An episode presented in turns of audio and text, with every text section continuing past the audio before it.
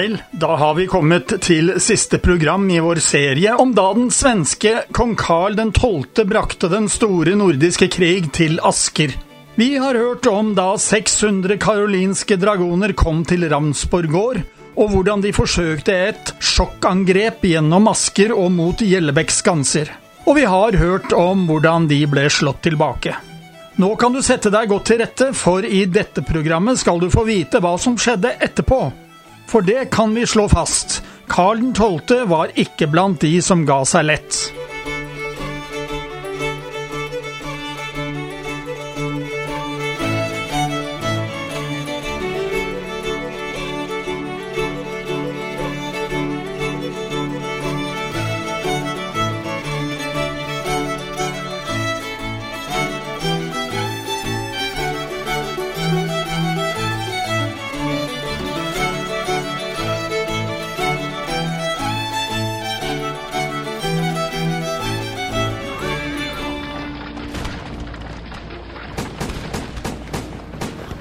Angrepene mot Gjellebekk skanse mislyktes.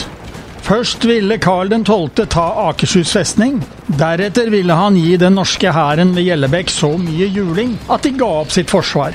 Da ville han ha de øverste norske myndigheter, slottsloven, i sin hule hånd, og fri kongevei helt opp til sølvgruvene på Kongsberg. For den svenske statskassen var etter mange år med krig ganske slunken så sølvet fra Kongsberg ville komme godt med. Men som vi hørte i forrige program, gikk ikke noe av denne planen som han hadde planlagt. Så langt. Både forsvarere og angripere hadde hatt sine tap under angrepet på Gjellebekk. Selv om tallene er usikre, meldes det om et trettitalls norske dragoner blant de falne. På svensk side meldes det om fire. Dessuten ble svenskene på nytt angrepet på veien tilbake til Ramsborg. Vi hørte i forrige program at de mistet rundt 20 dragoner, da de ble angrepet av en norsk skiløperavdeling. Bønder gjør oss stor skada når vi tar vegerne gjennom skogen, skrev en svensk kaptein i et etterlatt brev man fant på Ravnsborg etter at svenskene trakk seg tilbake til Kristiania.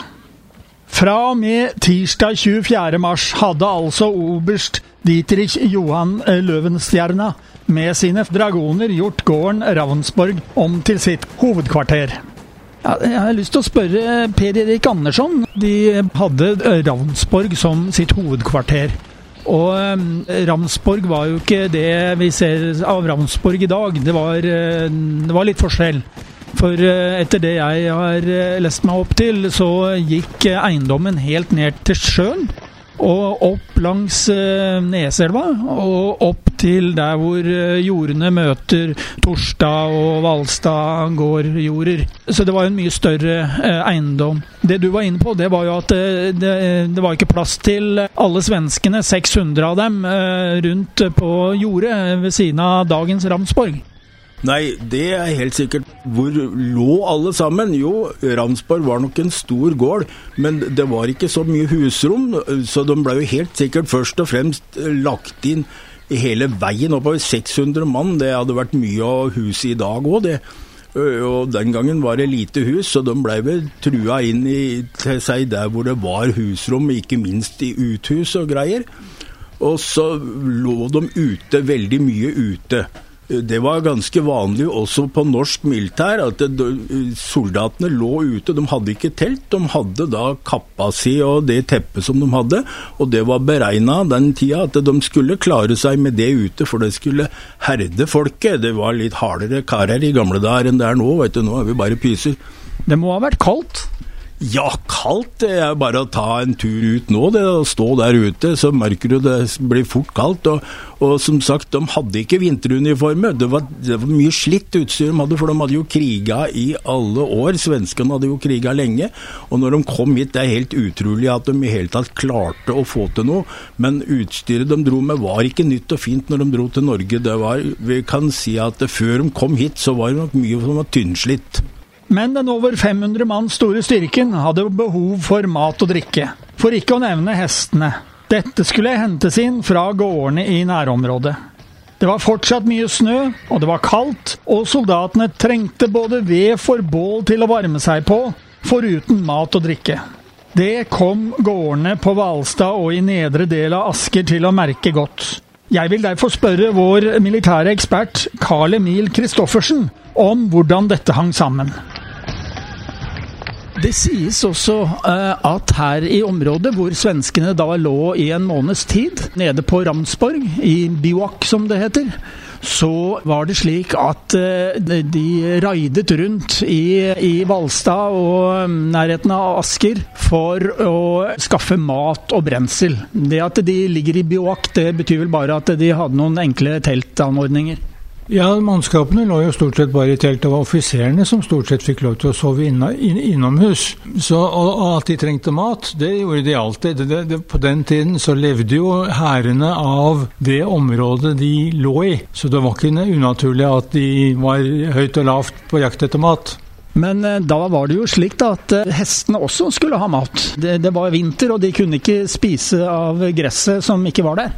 Nei, altså Det må man jo huske på. At uh, en hær på Mars besto av uhyggelig masse hester, og alle hestene skal ha mat. Og det var veldig viktig at det fôret også kom frem, for uten hester stoppet jo alt sammen opp.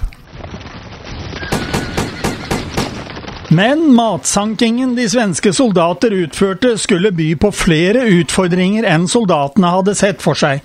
Ridestiene rundt Hvalstad og i nedre del av Asker var besatt av bondeallmuen, der de lå på en rekke poster i skog og kratt på bakketoppene. Svenskene var ukjent med terrenget, som mange steder ga mulighet for gode bakholdsangrep. Oi, det syns jeg det smalt igjen, jeg, Vidar. Var eh, borte fra Syverstadkanten. Ja, jeg hørte det. Og jeg har hørt at bøndene i området her har vært svært oppsatt på å plage svenskene etter den fremferden de har vist i området her den siste tiden. Ja, La oss høre med Carl Emil Kristoffersen om hva han tenker om dette. Men når disse svenskene var ute og red, så eh, lå altså en del eh, bønder og skøyt på dem. Eh, hva slags våpen var det de hadde? Ja, norske bønder hadde jo på den tiden flintlåsgeværer, og de hadde jo litt erfaring med å være soldater, for de var utkommandert til å være soldater innimellom. De hadde god, godt kjennskap til skytevåpen, fordi skytevåpen måtte de bruke til å forsvare seg mot villdyr. Og så var det også dette med matauk på gårdene. Det var my mye jakt som foregikk, så bøndene var godt kjent med å bruke skytevåpen. Jeg, leste jo også at uh, det, var jo et bjørnehi nede i, uh, på Valstadjordet. Og uh, der Ja, det var kanskje fram til 1825 eller der omkring. Og det sies at bjørnen ble jaget av ulv som ble for nærgående. Men det som du har nevnt for meg, det var jo at nordmennene var i en særstilling. Fordi i andre land i Europa så var det slett ikke naturlig at bøndene bønder hadde våpen? Nei, i andre land i Europa var jo ofte eh, adelen og øvrigheten var redd for opprør fra bøndene, så bøndene fikk ikke lov til å ha skytevåpen. I Danmark var det tilfellet. De norske bøndene de hadde da fått lov. De hadde våpenplikt fra ganske tidlig på 1600-tallet og var vant til å bruke skytevåpen. Men eh, det var jo eh, villdyr eh, som ulv i Danmark også. Det er jo der vi har det uttrykket 'ugler i mosen'. Ja vel, men da måtte de håndtere ulven på en annen måte enn med skytevåpen. Og det kunne de jo sikkert også gjøre. Men norske bønder fikk lov å ha sine våpen, altså? Ja, norske bønder fikk lov til å bruke skytevåpen. Det fikk de lov til. Ja, Bøndene på Hvalstad og rundt i området la seg altså i bakhold og skjøt på svenske soldatene når de var ute for å hente inn kontribusjon. Og Hvis vi skal si på en enkel måte Vidar, eh, hva kontribusjon er, hva mener du eh, vi kan si da? Ja, altså Kontribusjon er enkelt sagt noe en okkupasjonsmakt pålegger befolkningen i et besatt område. Og vi snakker jo først og fremst om å tilegne seg mat og forråd til soldater og hester. Ja, det finnes faktisk regler for dette, f.eks. Haag-konvensjonen, men den kom jo først rundt 1900-tallet. Nærmere bestemt etter fredskonferansen i Haag 1899 og 1907. Under den store nordiske krigen på 1700-tallet har det nok skjedd på en langt mer brutal måte også. Men disse bøndene som eh, skøyt på de svenske soldatene, hvor gjorde de av seg, Vidar? Det vet vi nok ikke helt sikkert. Det finnes svært lite skriftlig vitnesbyrd fra befolkningen på denne tiden. De som ble kraftigst berørt som følge av krigshandlingene, hadde svært lite lese- og skrivekunnskap. Muntlige overleveringer har det nok vært, men vi vet jo hvor mye det kan endre seg med årene, for ikke å si alt som har gått i glemmeboken. Det vi kan si rimelig sikkert, er at befolkningen var rimelig godt kjent i området med sine mange bratte åser og skjulesteder. I noen skrifter er det referert til bondelegre, og det skal ha ligget i nærheten av Grosetkollen. De svenske dragonene ble beskutt fra tid til annen av nordmennene som lå i bakhold. De avfyrte sine skudd og forsvant på lokale stier. Svenskene omtalte denne virksomheten som fordømmede snapphaner. Uttrykket snapphane stammer fra Tyskland, og det er navnet på en avfyringsmekanisme på en gammel geværtype. Uttrykket var nok kjent for svenskene pga. opprørerne i Skåne i Sverige. De ønsket å tilhøre Danmark og drev med geriljaaktiviteter mot svenskene. De skal for øvrig ha blitt torturert på det grusomste hvis de falt levende i hendene på de svenske soldatene men snapphaner ble de altså kalt av svenskene. Det står skrevet om de norske som ble tatt for denne virksomheten. De fikk en alvorspreken, men fikk deretter lov å gå. At de slapp så billig unna slik virksomhet, er jeg litt i tvil om. Vi nevnte at gårdene på Hvalstad og ellers i nedre del av Asker fikk merke godt hvordan det var å være okkupert. Det kan vi lese av rapporten fra krigsskadeerstatningene. Men altså, jeg sitter her og lurer på hvordan var det å være eier av en bondegård i Asker med 600 svenske soldater i nærheten, som trengte både vått og tørt, og ikke minst ved til bål for å varme seg. Jeg har lyst til å spørre Per Erik Andersson fra gården Brensrud, for det var jo en av de gårdene i Asker som eksisterte i 1716. Ja, egentlig så er du litt seint ute. For dette er jo så lenge siden, men på Øvregården der så fins det faktisk ei skattebok. De hadde jo det på gårdene før i tida. Og der sto dette om, og det ble det fortalt meg når jeg var liten gutt, av han som da eide gården. Og det er faktisk en annen nabo her også som har lest i det. Og der står det eh, hva de har betalt i skatt og alt sånt skulle gjøre. Og der står det Det jeg husker, da, det var at han fortalte om at ulvene ula og sånt noe. Men der har jeg helt sikkert at det står i den boka om dette her òg. Jeg kan ikke tenke meg noe annet. Men dessverre, jeg har ikke klart å få tak i den boka. Den må finnes på gården der et sted, men nå er det jo bare ei gammel dame igjen som bor oppå der. Den skulle vi hatt. Det hadde jo vært faktisk ikke noe gode, det hadde vært litt uår den tida, så det var ikke store ting de hadde på stabber og låver og sånt noe.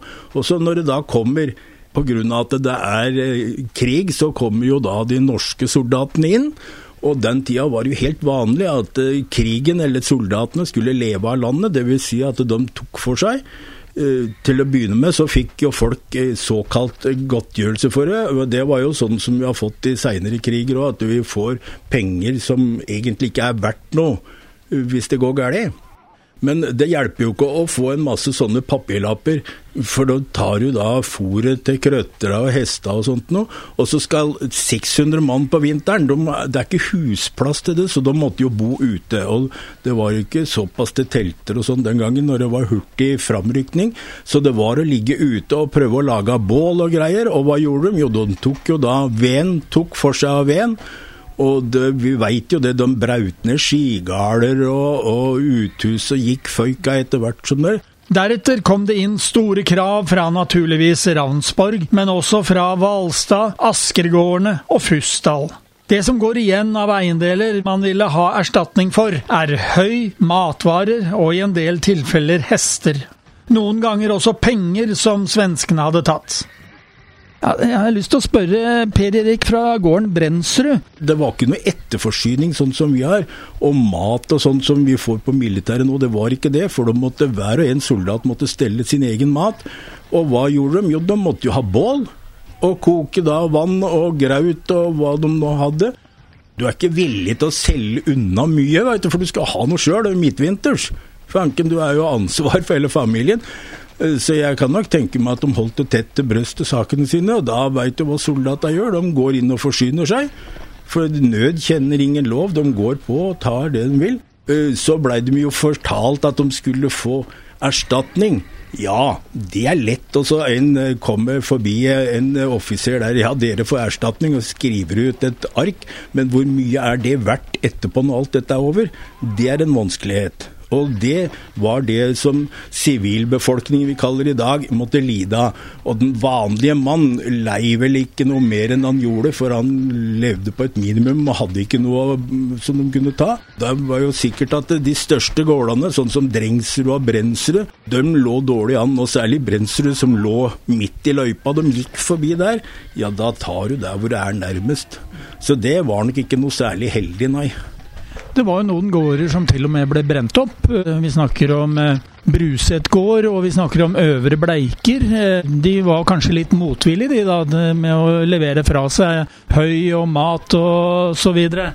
Ja, det vi veit det var jo at når de ante at dette skjedde noen ting, så tok de mye av buskap og sånn, og så prøvde de å flykte opp i skauen der hvor de eventuelt hadde noen seter å gjøre. Men det var ikke lett å stikke av gårde i snøen, men de gjorde vel sikkert så godt de kunne, og tok med seg og så når da, så, disse militæra kommer, soldatene, og forlanger, og det er eh, egentlig sånn nekter dem, de vil ikke gi noe, eller har kanskje ikke noe å gi, og blir ikke trudd på det. Og da er det noe som vi har hørt fra gammel krig, som de kalte for brannskatting. Vil du ikke, så skal du. Vil ikke allikevel, ja da blir det juling å få først, og gir deg ikke ennå. Ja, vi setter fyr på huset ditt, da. Ja, hva, hva skal du gjøre for noe? Du har jo ikke kjangs, der står du der ikke riktignok med kanskje gevær imot deg, men du har en korde eller noe sånt imot brøstet. Så gikk det rett og slett og satte fyr på, så det, vi veit ikke sikkert, men vi får vel anta at det som har vært satt fyr på der nede, jeg tror ikke at det har vært bare uhell. Men det var ikke bare svenskenes framferd som bøndene ville ha erstatning for. Flere ønsket erstatning for både høy og skog, som de norske styrkene hadde behov for. Blant annet meldte Gillumbånden dette, siden en del av den norske hæren hadde ligget der ute på gården. Heller ikke militært lå oberst Løvenstjernas soldater på latsiden. Fra sin forlengning på Ravnsborg gjorde han nye framstøt mot forpostene i dagene etter, uten å komme videre. Generalløytnant Lutsov tok forsøkene som et forvarsel om at de kunne være forløperne til et større angrep. Derfor ble 50 bjelkehuggere fra Bragernes og Strømsø beordret til skansene for å forsterke dem ytterligere. Første del av Karl 12.s plan hadde altså gått i vasken, men den svenske kongen var ikke tapt bak en vogn. Etterretningen hans hadde jobbet i lang tid før invasjonen startet, og kartlagt ilandstigningsmuligheter langs Hurumlandet. Annet muligheter for å ta en større styrke over fra Nesoddlandet og over til Nærsnes med båter. Karl 12.s utfordring der var at det meste av is i Oslofjorden var nå borte. Noe som betydde at den dansk-norske flåten patruljerte og gjorde en slik plan umulig. Det betydde at han måtte legge nye planer, og imponerende nok bare tre dager etter nederlaget på Gjellebekk skanser sender den svenske kongen en stor styrke nordover fra Kristiania. Hans plan var nå å sende soldater inn bakveien mot Gjellebekk og falle den norske hæren i ryggen. Oberst Løvenstjerna skulle vente på Ravnsborg og gå til frontalangrep når de andre gikk til angrep i ryggen på de norske styrkene. Svenskene ble kraftig forsinket, men hva skjedde på Hadeland? Ja, vi spør hadelendingen Jan Egil Aase om dette.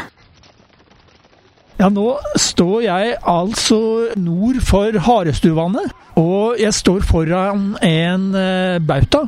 Og der står det Gregers Granavolden, og eh, sammen med meg her nå så har jeg en hadelending som eh, heter Jan Egil Aase. Og kan du si noe mer om hvem var han Gregers Granavolden? Ja, Gregers Granvolden han var eh, lensmann, faktisk. På Gran på Hadeland, oppe på Granvollen. For de som er litt kjent, så er det det stedet hvor disse berømte søsterkirkene ligger. Og det er vel eh, ja, to og en halv, tre mil nord for her vi står nå. Som det stedet her kalles for Runddelen. Nord for, rett nord for Harestuvannet. Eh, langs den gamle eh, riksvei 4, som går fra Oslo mot Gjøvik. Så her, eh, det som skjedde her i 27. Eh, mars 1716 det var at Gregers Granvolden lå og ventet på 500-600 svenske dragoner som kom nordover fra Oslo, og som skulle gå eh, videre over Hadeland og nedover Ringerike og komme bak Gjellebekk. Men han var ikke helt aleine? Nei, eh, han hadde med seg et sted mellom 50 og 60 bønder fra Hadelandskommunene. Som inngikk i dette legd-systemet, som var et slags sånn eh, militært Eh, mobiliseringssystem som fantes den, eh, den gangen. Eh, det strides litt om hvor, hvordan han kunne klare å være der med disse 50-60 bøndene så vidt tidlig. Etter at denne marsjen til dragonene fra Sverige hadde begynt. Men åkke som var, så ble det et slag her, da. Den 27. mars 1716. Da hadde Gregers Granvolden sørget for å samle disse og legge de klar i dette her passet som du ser rundt her. Det er et sånt trangt slukt. Det er vanskelig for svenskene å komme forbi, annet enn her akkurat uh, Greger slår med sine 60 bønder.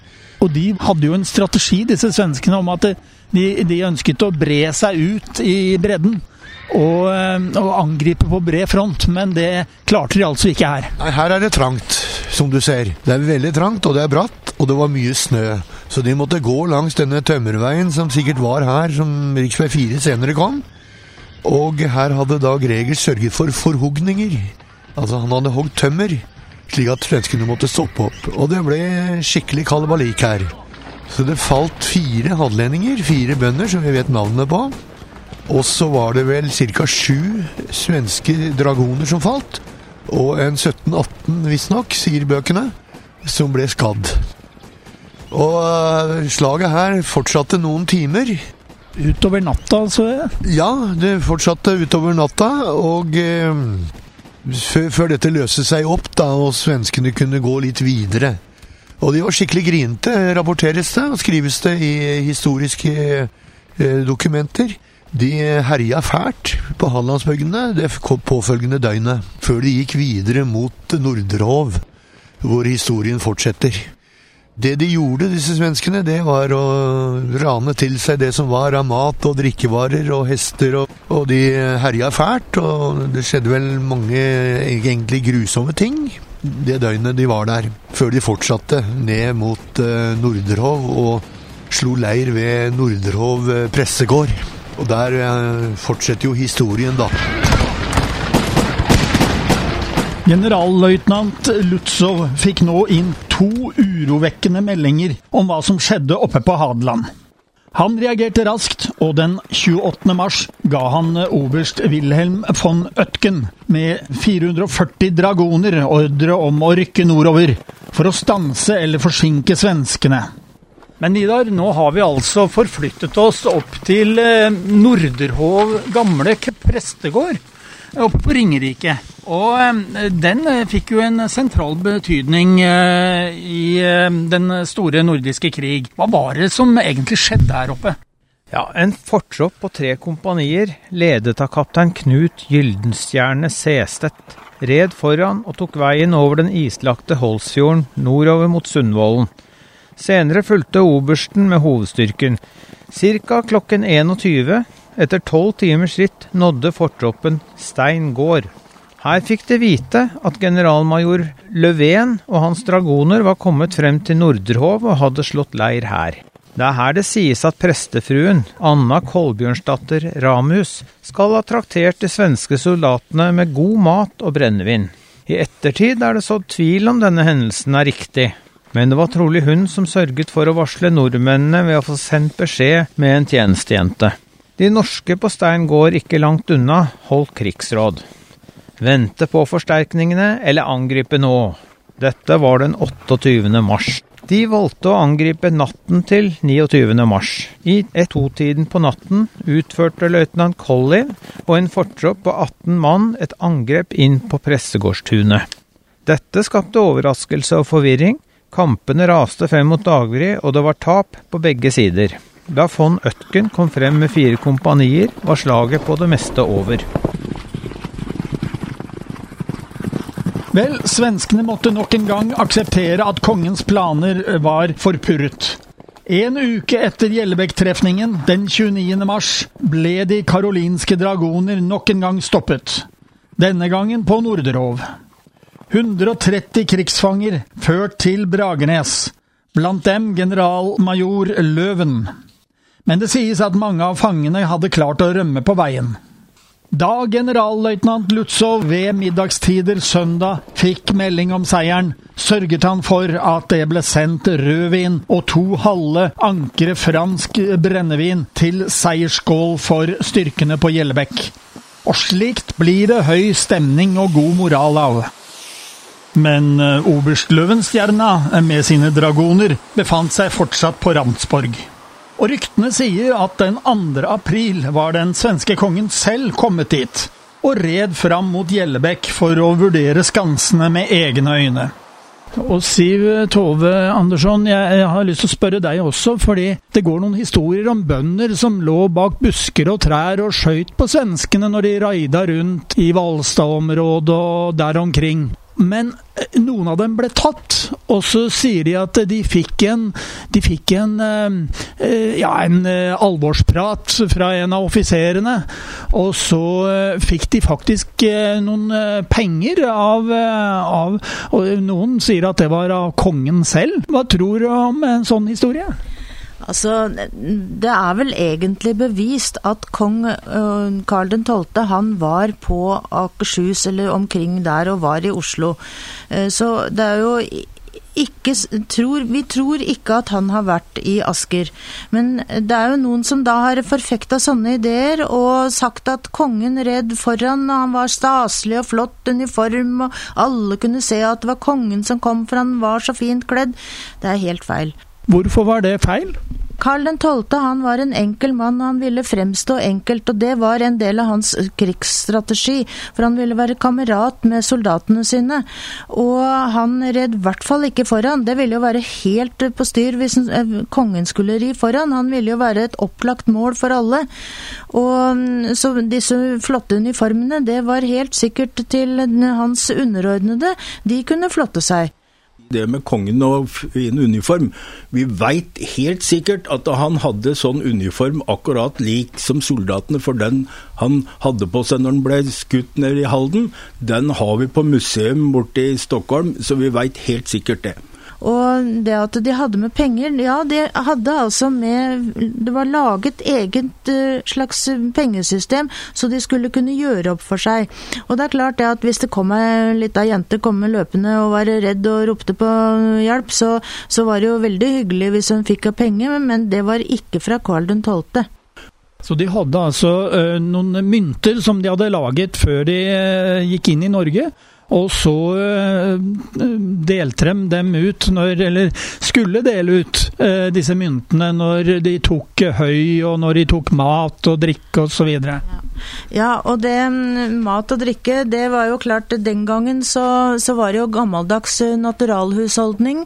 Og når vi snakker om vinteren, så har de altså Da slakta de som regel til jul, så det var jo mye tørrmat, altså tørka kjøtt som, salta som det lå rundt på saltebaljer i, mm, stabber og loft. Og, og så var det Når det var tomt, så måtte de gå løs på de som var levende. Og, og ferskkjøtt, det var nok ikke så vanlig, men da var klart, da kunne de jo koke seg av gryte med det. Og da satt de, som Per Erik sier, med rundt dette bålet da og, og kokte det. Men det saltkjøttet, det måtte jo vannes ut først, så det var jo tungvint sånn sett, da. Det var ikke noen fryseboks, og det var ikke noe Super'n å gå på da. Vel, fire dager senere, den 6. april, var det nok en hendelse i den svenske kongens disfavør. Fregatten Hvite Ørn med kaptein Peter Wessel Tordenskjold ankret opp på Drammensfjorden, som nå var fri for is. De forflyttet seg raskt opp til generalmajor Lützow på Gjellebekk for å bistå. Nok en gang forstår vi at den svenske kongen ikke ville gi opp. Oberst Løvenstjerna hadde kontroll på Ramsborg. Vi har kommet til 14. april, og nå gjorde de svenske soldatene et nytt framstøt for å falle de norske soldatene på Gjellebekk i ryggen. Denne gangen fra Bærums Verk over Krokskogen mot Sundvolden. Ja, Vidar, nå har vi eh, tatt oss oppover eh, Lommedalen og fra Bærums Verk. Og eh, går vi langt nok her, så kommer vi opp til Krokskogen. Og eh, det er et område som du kjenner godt, for du har gått på ski her. Ja, vi skal til området der Klauvstua ligger, nærmere bestemt det trange passet ved Nordkleiva. I dette trange passet lå bønder fra Valdres, Hallingdal og Ringerike i stillingene, ledet av fogd Lars Mikkelsen. Før angrepet hadde Lützow beordret 150 mann fra det valdreske kompani, ledet av kaptein Anthony Coucheron, til å komme bøndene til unnsetning. Ja, du nevner forresten Krokskogen, ja. Artig, det. Jeg gikk i sin tid skirennet Krokskogsrennet flere ganger. Da var underteksten på diplomer, premier og program Krokskogrennet til minne om Kari Hiran. Hun bodde i nærheten av Lommedalen, et område der det lå mange svenske dragoner som ventet på nærmere fremrykningsordrer. Hun meldte seg frivillig, og som sivil utførte hun en krigslist som skulle få stor betydning for hva som videre skjedde. Hun snek seg inn i området hvor de fiendtlige soldatene var, og det kunne hun gjøre fordi hun bodde i dette området. Hun kom fra et sted i nærheten av der de norske lå og ventet, og de norske var for få til å kunne motstå et større svensk angrep. Kari Hiran klarte imidlertid å villede svenskene til å tro at den norske styrken som lå og ventet, var langt større enn det den i virkeligheten var. Dette førte til at svenskene ga opp dette angrepet, og trakk seg tilbake. Karl 12. hadde lidd nok et nederlag. Tre dager senere kom det endelig bistand til generalmajor Lutzow som monnet. Da kom det skip med tre regimenter, ikke mindre enn 4000 norske soldater, som hadde ligget på den danske sørgrensen. De ble satt i land i området mellom Moss og Fredrikstad. Og dette førte til at de norske styrkene kunne åpne en ny front mot Karl 12.s soldater.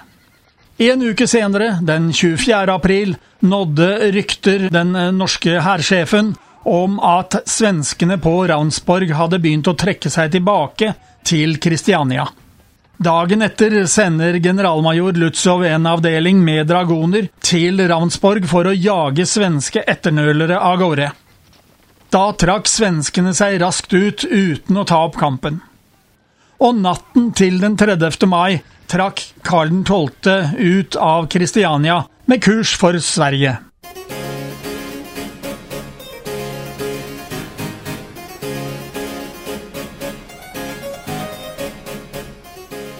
Ja, du har nå fått være med oss der vi har fulgt hakk i hæl på Karl 12.s dragoner gjennom fire radioprogrammer.